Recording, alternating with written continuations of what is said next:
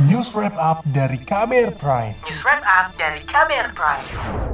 Saudara, Presiden Joko Widodo telah menyetujui kenaikan cukai rokok pada tahun depan. Kenaikan ini diharapkan bisa mengurangi prevalensi perokok anak serta mendongkrak pendapatan negara.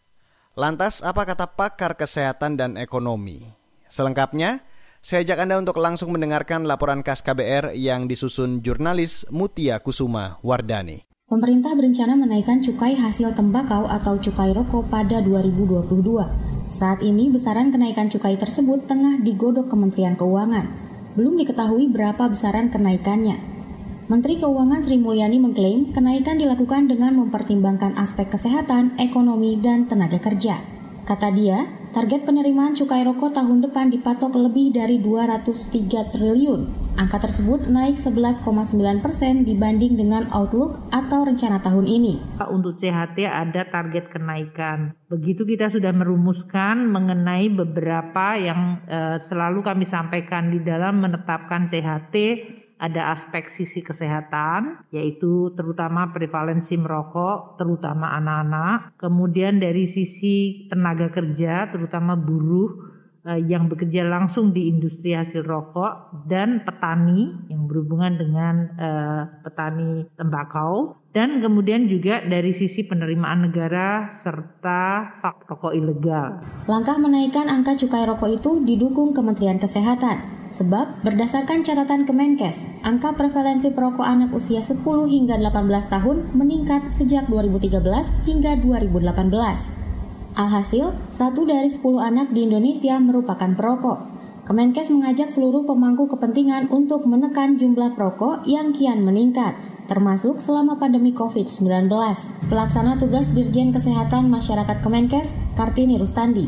Lebih dari 50% responden yang sudah ditanyakan oleh Komnas Pengendalian Tembakau pada tahun kemarin 2020 mengaku tetap mengeluarkan belanja rokok walaupun harga rokok meningkat. Dan ini tentunya juga hal yang membuat kita cukup prihatin apalagi di masa pandemi. Kita tahu bahwa uh, hal ini bu bu bukan hanya masalah Covid-nya tetapi juga penyakit-penyakit lain yang disebabkan oleh rokok ini juga merupakan penyakit yang cukup membutuhkan biaya yang besar. Tak hanya dari aspek kesehatan, kerugian negara karena rokok juga sangat besar jika dilihat dari sudut pandang ekonomi, tak sebanding dengan keuntungan yang didapat. Dari segi ekonomi, total kerugian ekonomi pengguna tembakau langsung maupun tidak langsung sebesar lebih dari 500 triliun rupiah.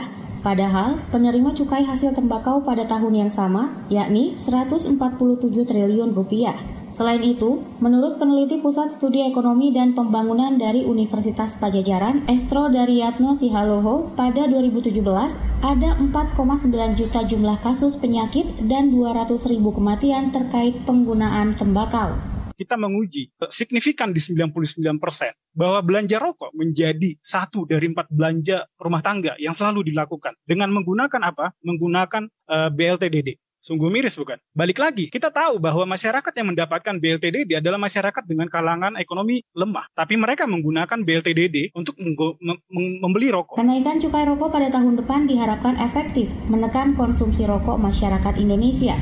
Sebab, menurut dosen Fakultas Ekonomi Universitas Indonesia Abdillah Ahsan, berdasarkan data pada 2019, produksi rokok meningkat 24 miliar menjadi 360 miliar batang. Kemudian, angka produksi rokok merosot menjadi 322 miliar batang setelah Kementerian Keuangan memperlakukan peningkatan cukai hasil tembakau pada 2020. Abdillah merekomendasikan kepada pemerintah agar menyederhanakan kategorisasi cukai rokok. Dia meminta semua rokok produksi mesin dijadikan satu kategori, serta bisa dikenakan pajak yang lebih besar ketimbang rokok kretek tangan yang lebih banyak menyerap tenaga kerja. Tapi intinya jarak harga termurah dengan harga termahal itu harus di, uh, dipersempit ya sehingga para perokok tidak memiliki insentif ya untuk pindah ke ke rokok yang lebih murah dan agar ya eh, anak-anak tidak mampu menjangkau harga rokok yang termurah karena anak-anak tidak punya pendapatan ya